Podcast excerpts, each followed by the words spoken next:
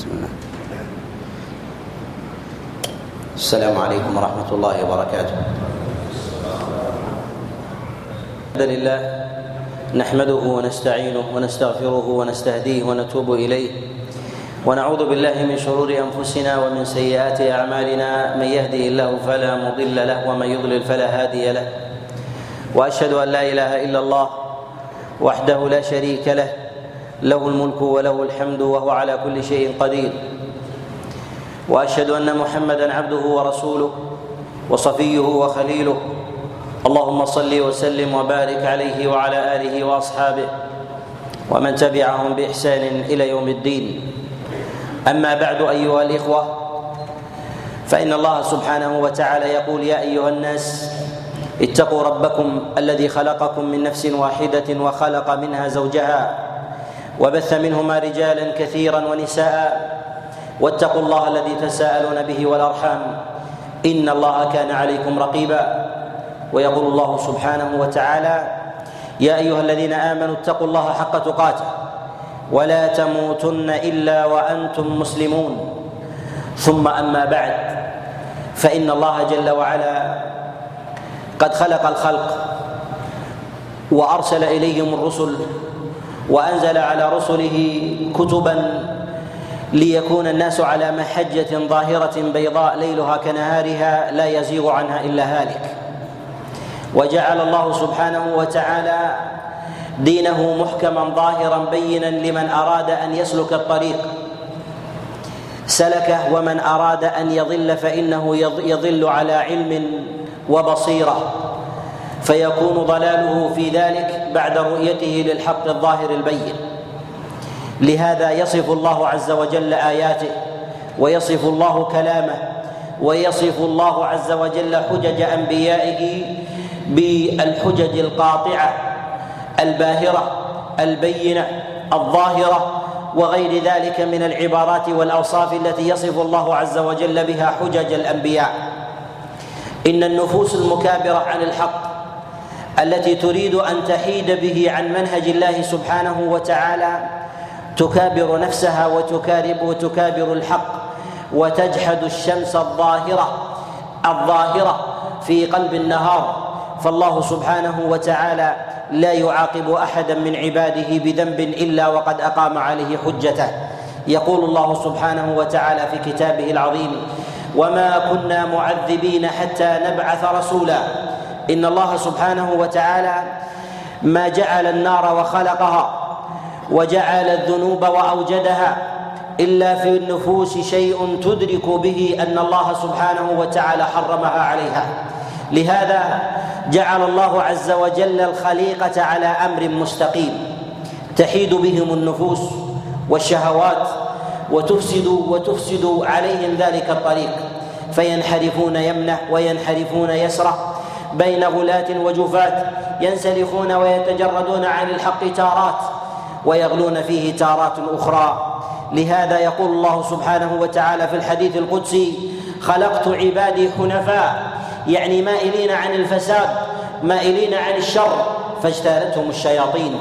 الشياطين الذين يجرفون الإنسان عن الصراط المستقيم ويحيدون به عن منهج الله سبحانه وتعالى لهم مسالك وطرق وأهواء. وذلك بإذكاء الشهوات الموجودة في نفس الإنسان. الإنسان يفعل المحرم ويعصي الله سبحانه وتعالى ويفسد في الأرض ولكن أعظم الفساد أن يشرع الفساد فيجعل شريعة ودينا. إن الإنسان يرتكب المعاصي كبيرة وصغيرة يرتكب الموبقات ولكن أعظم الموبقات أن تجعل تلك الموبقات وتلك المعاصي شريعة أو نظاما أو قانونا. لهذا الله سبحانه وتعالى ما عاقب الأمم السابقة حينما خالفت أمر الله جل وعلا إلا حينما جعلوا فسادهم دينا وعبادة. ولكن لو فسدوا وظنوا أن الفساد الذي يفعلونه ذنب لاقتراف شهوة أو مخالفة أمر الله سبحانه وتعالى لمطمع عاجل فإن الله عز وجل لا يعاقب تلك الأمم على ذلك. ولهذا عاقب الله عز وجل قوم شعيب حينما أرادوا أن يفصلوا دين الله جل وعلا عن ما أمرهم الله سبحانه وتعالى به. يقول قوم شعيب لما نهاهم عن التطفيف في المكيال والميزان يقول قومه له قالوا يا شعيب أصلاتك تأمرك أن نترك ما يعبد آباؤنا وأن نفعل في أموالنا ما نشاء؟ يعني اجعل صلاتك لك واجعل اقتصادنا وتصرفاتنا في أموالنا لنا.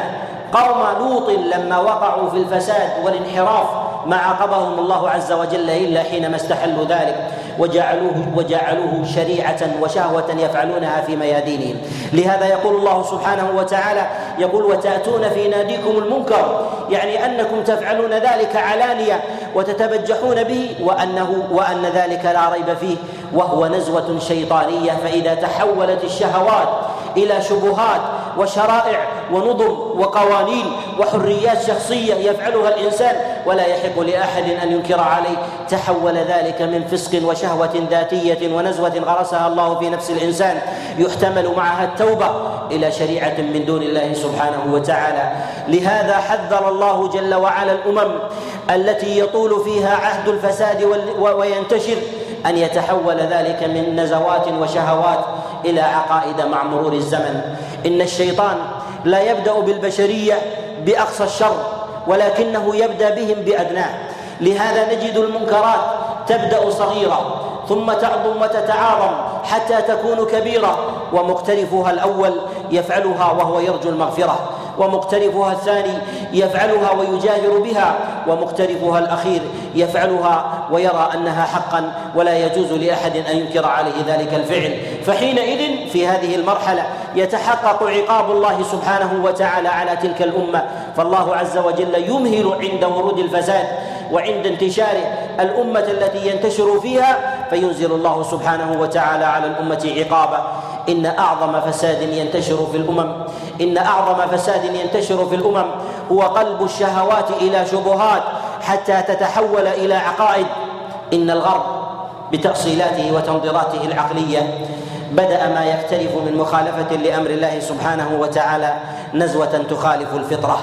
لما احبوا تلك النزوات من نزوات النساء وشرب الخمور وغير ذلك مما يحول الإنسان عن فطرته التي فطره الله عز وجل عليها بدأت نزوة ثم أحبوا إشاعتها ثم رأوا لما رأوا رأوا إشاعتها ورأوا أن نفوسهم لا تحب أن تفعل الشيء وتلام عليه. قالوا نحوله إلى نظام وقانون. فحولوه إلى ما يسمى بحريات شخصية. فيفعل الإنسان ما يشاء في نفسه.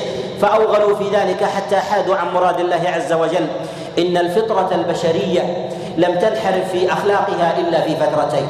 الفترة الأولى في زمن قوم لوط والفترة الثانية في الفترة الحالية في المدرسة الغربية. إن قوم لوط وقعوا في الفاحشة ولكنهم لم يستحلوها استحلالا محضا ظاهرا وإنما يفعلونها كنزوة. وأما المدرسة الغربية الحاضرة تفعل ما يفعله قوم لوط ويجعلون ذلك من العقود المباحة من تزاوج الرجل بالرجل وزواج الأنثى بالأنثى ويجعلون ذلك في وثائق رسمية. وفي وثائق رسمية فلان زوج فلان وفلانة زوج زوجها فلان وغير ذلك من انتكاسة. بل تعدى ذلك إلى ما هو أبعد إلى أبعد من ذلك. بطرح زواج زواج الإنسان من البهائم. في برلمانات إلا أنهم لم يصلوا إلى درجة استحلاله إلى إلى استحلاله رسميا بل وصل بهم إلى أنهم يقولون لو فعله أحد فإن ذلك حق وتصرف خاص شخصي إلا أن القانون لا يقره. انحراف لم تشهده قوم لوط ولم ولم تشهده الانحرافات السابقة خروج عن نسق الفطرة التي فطر الله عز وجل الناس عليها. إن الله سبحانه وتعالى قد حذر من البذرة الأولى من الفساد وانتشاره لأن الفساد كبذرة الشجر يبدأ بذرة ثم تسقيه الشهوات ثم تسقيه الآراء بالشبهات ثم يتحول بعد ذلك إلى أشجار يانعة إلى أشجار يانعة وثمار وثمار تؤكل وثمار وثمار تؤكل كالزقوم. يتناولها الناس تحلف بطرهم وأقوالهم حتى وصلوا إلى التنظير إلى زواج إلى إباحة زواج ونكاح المحارم. يتزوج الرجل أخته وهو حق له. يتزوج عمته عمته وخالته وهو حق له. ولكن بقي في فطرتهم شيء يسير إلى أن الرجل يتوقف عن زواجه لأمه. ولكنهم لا يربطون بذلك بعقوبة منصوصة لأنهم ينقضون أصلهم الذي أصلوه في حرية الإنسان في ذاته وقناعته وعدم إنزال العقوبة عليه لأن هذا حرية ولا يتعدى على حريات الآخرين. إن الله سبحانه وتعالى قد جعل حرية الإنسان لا تنتهي حيث تبدأ حرية الناس بل جعل الله عز وجل حرية الإنسان تبدأ ولكن تنتهي عند حدود الله. وتلك حدود الله فلا تعتدوها. حدود الله ربما تشترك مع حد غيرك وربما تشترك مع حد الله جل وعلا فيجب عليك أن تمتثل أمر الله. إن التاصيلات الخاطئة تفضي إلى نزوات شخصية وتصرفات فردية. يقع الناس في الانحراف من حيث لا يشعرون. يظنون أنهم ان الله سبحانه وتعالى إنما شرع الشرائع وسن الأحكام في الأرض لأجل العبودية المحضة فحاولوا وتكلفوا أن يفصلوا الدين عن الدنيا فعجزوا لأن الله وجه الناس في البيع وفي الشراء وفي النكاح وفي الحدود والعقوبات والتعزيرات وفي القضاء وفي السياسة والحكم. قطعا لشهوات الناس وتسللها إلى أن تتحول إلى إلى فطرة حيوانية بعيدا عما كرم الله عز وجل عليه بنو آدم. إن الشر موجود كامل في النفوس وبذرته موجودة. أوجد الله عز وجل من الفطرة وأوجد الله عز وجل من الشرع. ما يردع الإنسان؟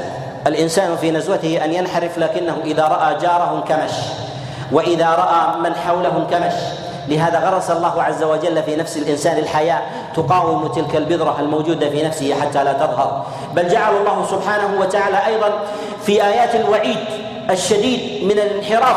فالله سبحانه وتعالى لا ينفعه عبادة الناس ولا يلحقه ضر الناس ولو انحرفوا جميعا وكانوا على أفجر قلب رجل واحد. ولكن الله يعاقب على الزنا ويعاقب على التبرج والسفور ويعاقب على المخالفة الشرعية التي تقع في الناس ويجعل عليها عقابا في الآخرة حتى يجتمع في قلب الإنسان الوازعان وازع من طبعه وهو فطرته ووازع من شرع الله سبحانه وتعالى حتى ينضبط الناس فيستقيموا في أمر الله سبحانه وتعالى. إن الله عز وجل قد جعل للإنسان اعداء ثلاثة. يلازم منهم من يلازمه على سبيل الدوام وهو اخطرهم وهي نفسه الأمارة بالسوء. تسول له الباطل. شهوة تحب الاستمتاع بالمأكل والمشرب والمنكح وتحب الاستمتاع باللباس وغير ذلك والتسلط على الآخرين. لهذا لو مكن الإنسان من غير عقاب من السطو على أموال الناس وأخذها لأخذها الناس. ولكن الله عز وجل قد جعل وازعا في طبائع البشر. وأما نفوسهم فتحب أخذ أموال الناس. وتحب الاستمتاع بما لديهم ولكن الله عز وجل جعل فيما هو خارج عنه مما يزع الإنسان. إن النفس لأمارة بالسوء إلا ما رحم ربي فأزكى النفوس وأطهرها هي نفس رسول الله صلى الله عليه وسلم. لهذا يقول الله جل وعلا في كتابه العظيم ولهذا يقول النبي صلى الله عليه وسلم وهو صاحب أطهر نفس على الأرض. اللهم لا تكلني إلى نفسي طرفة عين ولا أقل من ذلك. إن الاتكال على النفس والرأي والميل ورغبة الإنسان النفسيه وشهواتها تحرف الإنسان عن طريق الحق إلى طريق الغواية. إن المدرسة العقلية المعاصرة لا تفرق بين نزغات النفس وشهواتها وبين العقل المتمحض الذي بلا شائبة من النفس تهوى فتميل بالإنسان. فلا يؤمنون بالشيطان حتى يستعيذوا منه. ولا يؤمنون بالنفس الأمارة بالسوء حتى يستعيذوا منها. وإنما أقصى ما ضبطوه أن حرية الإنسان تنتهي حيث تبدأ حرية الآخرين. فيفعل الإنسان في نفسه ما شاء. حتى جعلوا من حقه أن ينتحر وأن يتحسى السم وأن يفعل ما يشاء في نفسه. فهذا حق له لا يتجاوزه إلى لا يتجاوزه إلى غيره. إن الله سبحانه وتعالى ضبط حريتك بذاتك ولو لم تتعدى إلى غيرك. كما ضبط حرية الآخرين حتى لا يتنازعوا فيها. ولو كانت عقول البشر تستطيع أن تميز حقها ما ملئت محاكم البشر في النزاعات المالية والخصومات الزوجية وغير ذلك لأن النفس تطمع بما لدى غيرها. لهذا هي عاجزة عن إنصاف نفسها. وامتلأت الأرض بالفساد والشر بالقتل والدمار وأكل أموال الناس بالباطل وغير ذلك مع أن عقول الناس موجودة. من الذي حرفهم؟ حرفتهم نفوسهم الأمارة بالسوء لأنهم ما وجدوا شيئا يحدهم ويرجعهم عن ذلك الفساد. إن الله سبحانه وتعالى خلق الخلق وفطر الناس على فطرة صحيحة وحذرهم من أن يفسدوا في الأرض. يقول الله جل وعلا في كتابه العظيم ولا تفسدوا في الأرض بعد إصلاحها الأرض صالحة قبل وجود الإنسان. وأوجد الإنسان أول ما أوجده صالحا بفطرة صحيحة ولكن النفوس هي التي فسدت عن مراد الله سبحانه وتعالى وخالفت أمره. إن أول في إن أول فساد إن أول فساد اعترض بني آدم هو الفساد الذي بدأه إبليس مع آدم وحواء في الجنة. حينما حذر الله سبحانه وتعالى آدم من أن يأكل من هذه الشجرة. حذره امتحانا واختبارا. وسلط الله عز وجل عليه إبليس ليظهر في ذلك الصادق القائم على حدود الله سبحانه وتعالى من ذريته. وكذلك في غلبة إبليس على آدم ليجعل الله عز وجل بداية الصراع بين الشياطين وبين بني آدم منذ تلك اللحظة. كان صراعا من جهه من جهة أكل الشجرة. وقد ذكر غير واحد من المفسرين أن آدم كان يأتيه إبليس في صور شتى تارة في صورة حيوان وتارة في صورة في صورته الأصلية حتى يحشد في ذلك تاثيرا على عقله حتى أكل منها. ثم عاقبه الله سبحانه وتعالى بذلك بظهور العورات فأكلا منها فبدت له فبدت لهما سوآتهما إن الله سبحانه وتعالى جعل أول عقوبة للبشرية ظهور السوآت جعلها الله عقوبة. وتعتبرها البشرية المتأخرة حضارة. إن آدم لما ظهرت عورته وحواء أخذ من أوراق الشجر ليستر العورات. عقوبة ورجوعا إلى الفطرة التي فطر الله عز وجل الناس عليها. تحولت تلك الفطرة إلى حضارة مدنية تتعرى المرأة ويتعرى الرجل في الشواطئ وفي الميادين وفي الأسواق. في مواضع ربما يحضرها زوجها ومحرمها وأخوها في غيرة ميتة من في غيرة ميتة في القلوب. عقاب كان لأب لأبيهم آدم أول مرة ثم اتخذوه بعد ذلك شعارا لإبليس وكأنهم يقولون لا نحتاج إلى عقاب بل نتخذ ذلك حضارة. تحول من ذلك عجيب. إن الله سبحانه وتعالى فطر الإنسان على الحياء وفطره على الستر وفطر الله عز وجل المرأة على حيائها وسترها وشرع لها جملة من الشرائع تحافظ على مكنونها حتى لا ينتشر في ذلك الفساد.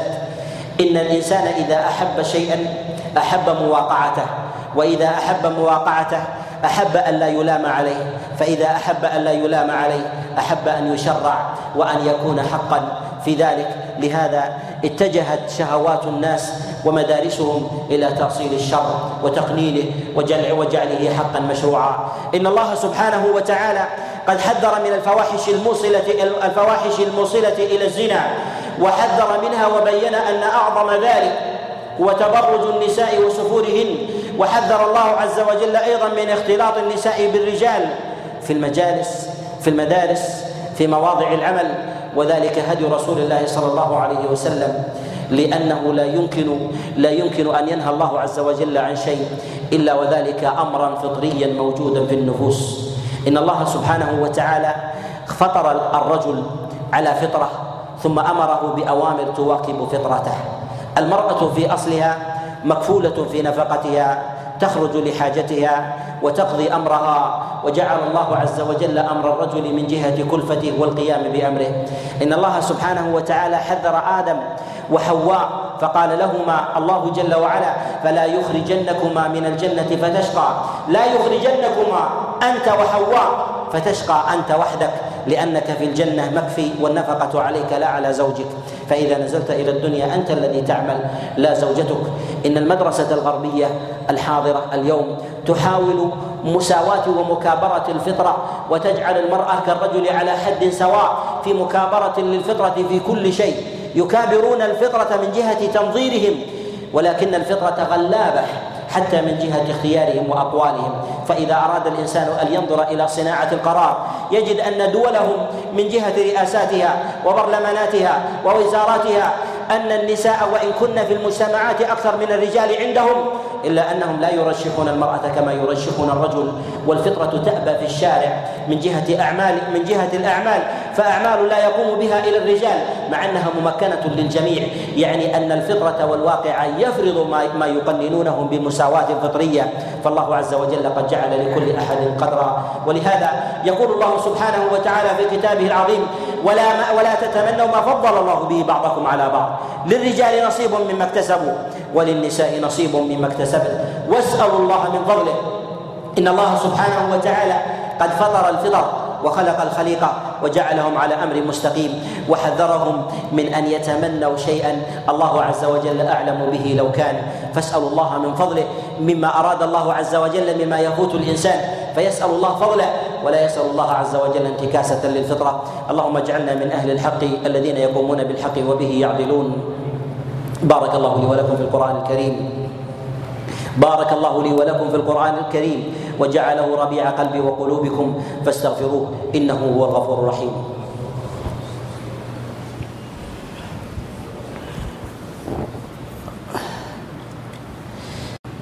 الحمد لله والصلاة والسلام على أشرف خلق الله محمد بن عبد الله وعلى آله وأصحابه ومن تبعهم بإحسان إلى يوم الدين. أما بعد أيها الإخوة في الله إن الله سبحانه وتعالى ما حرم محرما إلا وقد جعل من الذرائع الموصلة إليه ما يحذر ما يحذر منه الإنسان.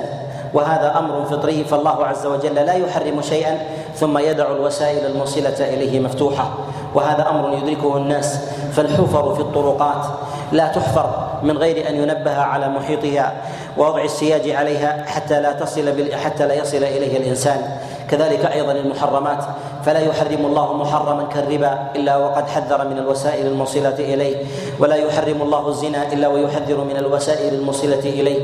ولا يحذر الله سبحانه وتعالى بغير ذلك من المحرمات كالشرك وهو أعظم محرم إلا وحذر الله عز وجل من الوسائل الموصله إليه.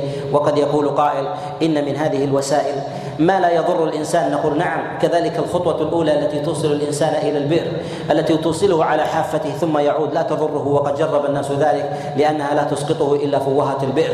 ولكن الله سبحانه وتعالى حذر من ذلك حتى لا تصل الإنسان خطوة ثم خطوة ثم يقع فيما حرم الله.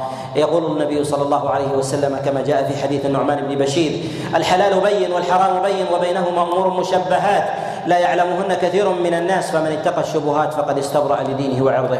كثير من الناس يقولون لماذا تؤمر المرأة بالحجاب؟ ولماذا تؤمر المرأة بالستر نفسها؟ ولماذا ينهى الله عز وجل عن خلوة الرجل بالمرأة؟ ولماذا ينهى الله عز وجل المرأة ينهى الرجال والنساء عن اختلاطهم على سبيل الدوام بخلاف الأمر العارض الذين يكون الذي يكون في الطرقات؟ مما لا يلزم من ذلك مساس. فإن الله سبحانه وتعالى نقول ما حرم الزنا إلا وحرم الأشياء الموصلة إليه. قد يقول نختلط ونخلو ولا يضر ذلك. كذلك الإنسان يحوم حول البئر ولا تضره خطوته حتى يسقط في فوهته فإن الناس في ذلك تدرك هذه الحقيقة. ولكن الله عز وجل بين أن الإنسان ربما يقع ويظن أنه آمن وربما يظن أنه يحذر ثم يقع. إن المحرمات التي حرمها الله عز وجل منها ما هو ضرر في ذاته ومنه ما هو ما يفضي إلى ضرر محرم غير ذلك. ولهذا ما ما أجاز الله عز وجل الزنا بحال من الأحوال ولكنه أجاز للرجل أن ينظر أن ينظر إلى المرأة إذا رغب خطبتها وأن يرى منها ومنه ما يدعوه إلى نكاحها لأن النظر في ذاته لم يكن محرما لذاته ولكنه لأنه يفضي إلى غيره. لهذا إن الله سبحانه وتعالى إنما حذر من الفاحشة لأن الله جل وعلا لأن الله سبحانه وتعالى جعل لها آثارا في البشرية امتحانا واختبارا منها ما هو عاجل ومنها ما هو آجل. قد جاء عند ابن ماجه وغيره أن رسول الله صلى الله عليه وسلم قال ما ظهرت الفاحشة في قوم إلا ابتلاهم الله عز وجل بالطاعون وجعل فيهم من الأوجاع ما لم يكن في أسلافهم. إن عجلة وقوائم الأمراض التي تكتشفها البشرية كل يوم وكل شهر قوائم يعجز عن تصنيفها وإدراكها الأطباء تحيرهم في معرفة الادواء والله سبحانه وتعالى قد جعل اسبابا وبينها وحذر البشرية من الوصول إليها. فإن الله عز وجل لا يعاقب أمة بهلاك إلا عند انتشار الفساد. إن الصالحين في المجتمعات لا يرفعون العقوبة عنها. إن الذي يرفع العقوبة عن الأمة قيام مصلح واحد في الأمة خير من آلاف الصالحين. لأن الصالح يحمي نفسه من عقاب الله. أما المصلح يحمي الأمم من عقاب الله. لهذا ينجي الله عز وجل الأمة الواحدة بمصلح واحد. لهذا يقول الله عز وجل لنبيه عليه الصلاة والسلام وما كان الله ليعذبهم وأنت فيهم. يعني أن الله يحميهم بك لأنك تحمل راية الإصلاح. يقول النبي صلى الله عليه وسلم كما جاء في الصحيحين من حديث زينب قال قالت لرسول الله صلى الله عليه وسلم لما قال في ليلة من الليالي ويل للعرب من شر قد اقترب. اليوم فتح من ردم ياجوج وماجوج هكذا. وحلق بين أصبعه السبابة والإبهام. فقالت عليها رضوان الله تعالى يا رسول الله أنهلك وفينا الصالحون. يعني فينا أناس يصلون ويصومون ويشيدون المساجد ويعمرونها ويتصدقون ويكفلون الأيتام ويرعونهم. أنهلك وفينا الصالحون؟ قال نعم. إذا كثر الخبث لأن مقاومة الخبث في ذلك تجعل من ذلك عقوبة عاجلة. لهذا الله سبحانه وتعالى لا يعاقب الأمة إذا فيها مصلح وإذا أراد الله عز وجل بعقوبة بأمة ولو كان فيها مصلح أخرجها الله عز وجل أخرجه الله عز وجل منها. كما أخرج لوط فأمره الله عز وجل أن يخرج في ليلة ظلماء لأن موعدهم الصبح أليس الصبح بقريب؟ إن الله سبحانه وتعالى قد حرم المحرمات وحذر من الوقوع فيها وأعظم المحرمات الفاحشة وحذر من وسائلها من التعري والسفور وتأصيل ذلك والانخداع به والالتفات إلى نزوات الإنسان ودعوى ذلك وأخطر ذلك دعوى ذلك أن هذا من حرية الإنسان وينسى الإنسان أنه مخلوق لله عز وجل لا يتصرف إلا بأمره جعل الله عز وجل المباحات عدا عريضا عدا عريضا لا يمكن للإنسان أن يحصيه. وجعل المحرمات عدا معدودا يحصيه الإنسان بأصابعه. إذا استحضر الإنسان المحرمات عليه ظن أنه يضيق عليه. وإن من أعظم أمور دهاء المدرسة الغربية اليوم لفك ما لفك ما يقيد من أمور الإسلام من الأمور المحرمة أن تعرض المحرمات على ذهن الإنسان في سياق واحد حتى يظن أنه مقيد. إن الله عز وجل لا يذكر الحلال لأنه هو الأصل. لا يذكر الله الحلال من اللباس لأنه هو الأصل. لا يذكر الله الحلال من الأكل لأنه هو الأصل. لا يعد الحلال وإنما يعد الحرام. حرم الله عز وجل على الإنسان في مأكله ومشربه. أشياء يعدها الإنسان بيديه. أما بالنسبة للإباحة فجعل الله الأصل في الأرض الإباحة. هو الذي خلق لكم ما في الأرض جميعا ثم استوى إلى السماء. فسواهن سبع سماوات وهو بكل شيء عليم. خلق الله عز وجل الانسان يؤتى إلى عقل الإنسان. حرم الله عز وجل على المرأة اختلاطها بالرجال حرم عليها الخلوة بالرجال أوجب عليها الحجاب جعل ميراثها نصف نصف الرجل وأوجب عليها كذا وكذا حتى يشعر الإنسان في ذلك أنه مقيد وهو طرق للعقول حتى تتمرد عن أمر الله سبحانه وتعالى. ولو خوطب الرجل بذلك أمر بالعمل وأمر بالكد وأمر بالجهاد وأمر بالنفقة وأمر بكسوة المرأة وعلاجها ومهرها وكذلك التكفل بأبنائه إلى إلى أن يموتوا ولا يجب على المرأة أن تعمل. لحصل بذلك نفس النتيجة. ولكن الله سبحانه وتعالى شرع الشرائع وجعلها في منظومة واحدة حتى يدرك أمر الله عز وجل كما هو. فإن الله سبحانه وتعالى جعل حكمه ظاهرا بينا لقوم يوقنون. ومن أحسن من الله حكما لقوم يوقنون يوقنون بحكم الله وقضائه. لا ينظرون إلى حكم إلى حكم وشريعة من ثقب باب. لا يريهم إلا ما يريدون أن يروا فلا يروا اللوحة كاملة ولا الشريعة تامة فينظر إلى اتساقها وانتظامها وحسن قوامها فإن الخلل في أبصارهم وكذلك في نظرهم. لهذا وجب على الأمة أن تحارب الفساد بجميع أنواعه وأعظم ذلك هو الفساد الأخلاقي وأن يكون في الأمة آمرون بالمعروف ناهون عن المنكر يواجهون المفسد ولو ظن أنه مصلح. فإن المفسد لا يلزم من من أن يعلم أنه مفسد. ما ما أن لا يلزم من المفسد أن يعلم أنه مفسد. فإن المشركين في مكة يقول الله عز وجل لهم لا تفسدوا في الأرض.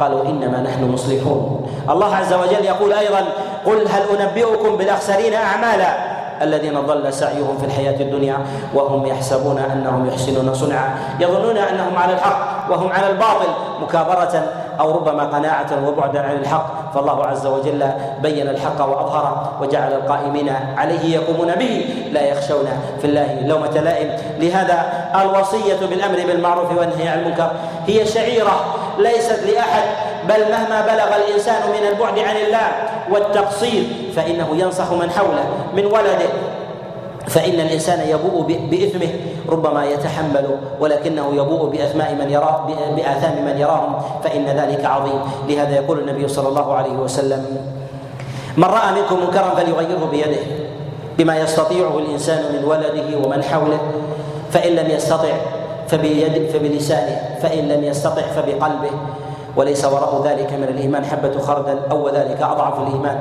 والإنكار القلبي أن يبتعد الإنسان عن مواضع الشر والفتن حتى لا حتى لا يكون راضيا. فإن المخالطة الدائمة تعني من ذلك الرضا. اللهم إنا نسألك صلاحا لأقوالنا وأعمالنا. اللهم إنا نسألك صلاحا لأقوالنا وأعمالنا. اللهم خذ بنواصينا إلى البر والتقوى. واجعلنا من من أهل الهداية والرشاد.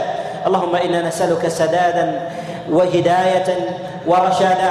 اللهم غير لهذه الأمة أمرا رشدا يعز فيه أهل الطاعة ويذل فيه أهل المعصية ويؤمر فيه بالمعروف وينهى فيه عن المنكر. يا سميع الدعاء. اللهم بارك لنا في أقوالنا وأعمالنا وأبداننا وأسماعنا وأبصارنا وذرياتنا وأموالنا وأزواجنا. اللهم قنا شرور أنفسنا وسيئات أعمالنا. اللهم اجعلنا اللهم اجعلنا من السالكين لسبيلك. الثابتين عليه المهتدين بهدي نبيك صلى الله عليه وسلم. اللهم أعذنا من س... اللهم أعذنا من وساوس النفس والشيطان. اللهم أعذنا من وساوس النفس والشيطان. وقدر لنا الخير أينما كان. اللهم إنا نعوذ بك من الفتن ما ظهر منها وما بطن. اللهم إنا نعوذ بك من الآثام والأسقام والأمراض والاوصاف يا ذا الجلال والإكرام. اللهم إنا نسألك العفو والعافية في الدنيا والآخرة. اللهم إنا نسألك العفو والعافية في الدنيا والآخرة. اللهم إنا نسألك العفو والعافية في الدنيا والآخرة. اللهم اللهم اعذنا من الشرور ما ظهر منها وما بطن. اللهم خذ بنواصينا إلى البر والتقوى واسلك بنا صراطا مستقيما ومنهجا قويما. يا ذا الجلال والإكرام. عباد الله صلوا وسلموا على النبي الأمين. صلوا وسلموا على النبي الأمين. اللهم صل على محمد وعلى آل محمد كما صليت على إبراهيم وعلى آل إبراهيم. إنك حميد مجيد. اللهم بارك على محمد وعلى آل محمد كما باركت على إبراهيم وعلى آل إبراهيم إنك حميد مجيد. إن الله يأمر بالعدل والإحسان وإيتاء ذي القربى وينهى عن الفحشاء والمنكر والبغي يعظكم لعلكم تذكرون. فاذكروا الله العظيم الجليل يذكركم واشكروه على نعمه يزدكم ولذكر الله أكبر. والله يعلم ما تصنعون.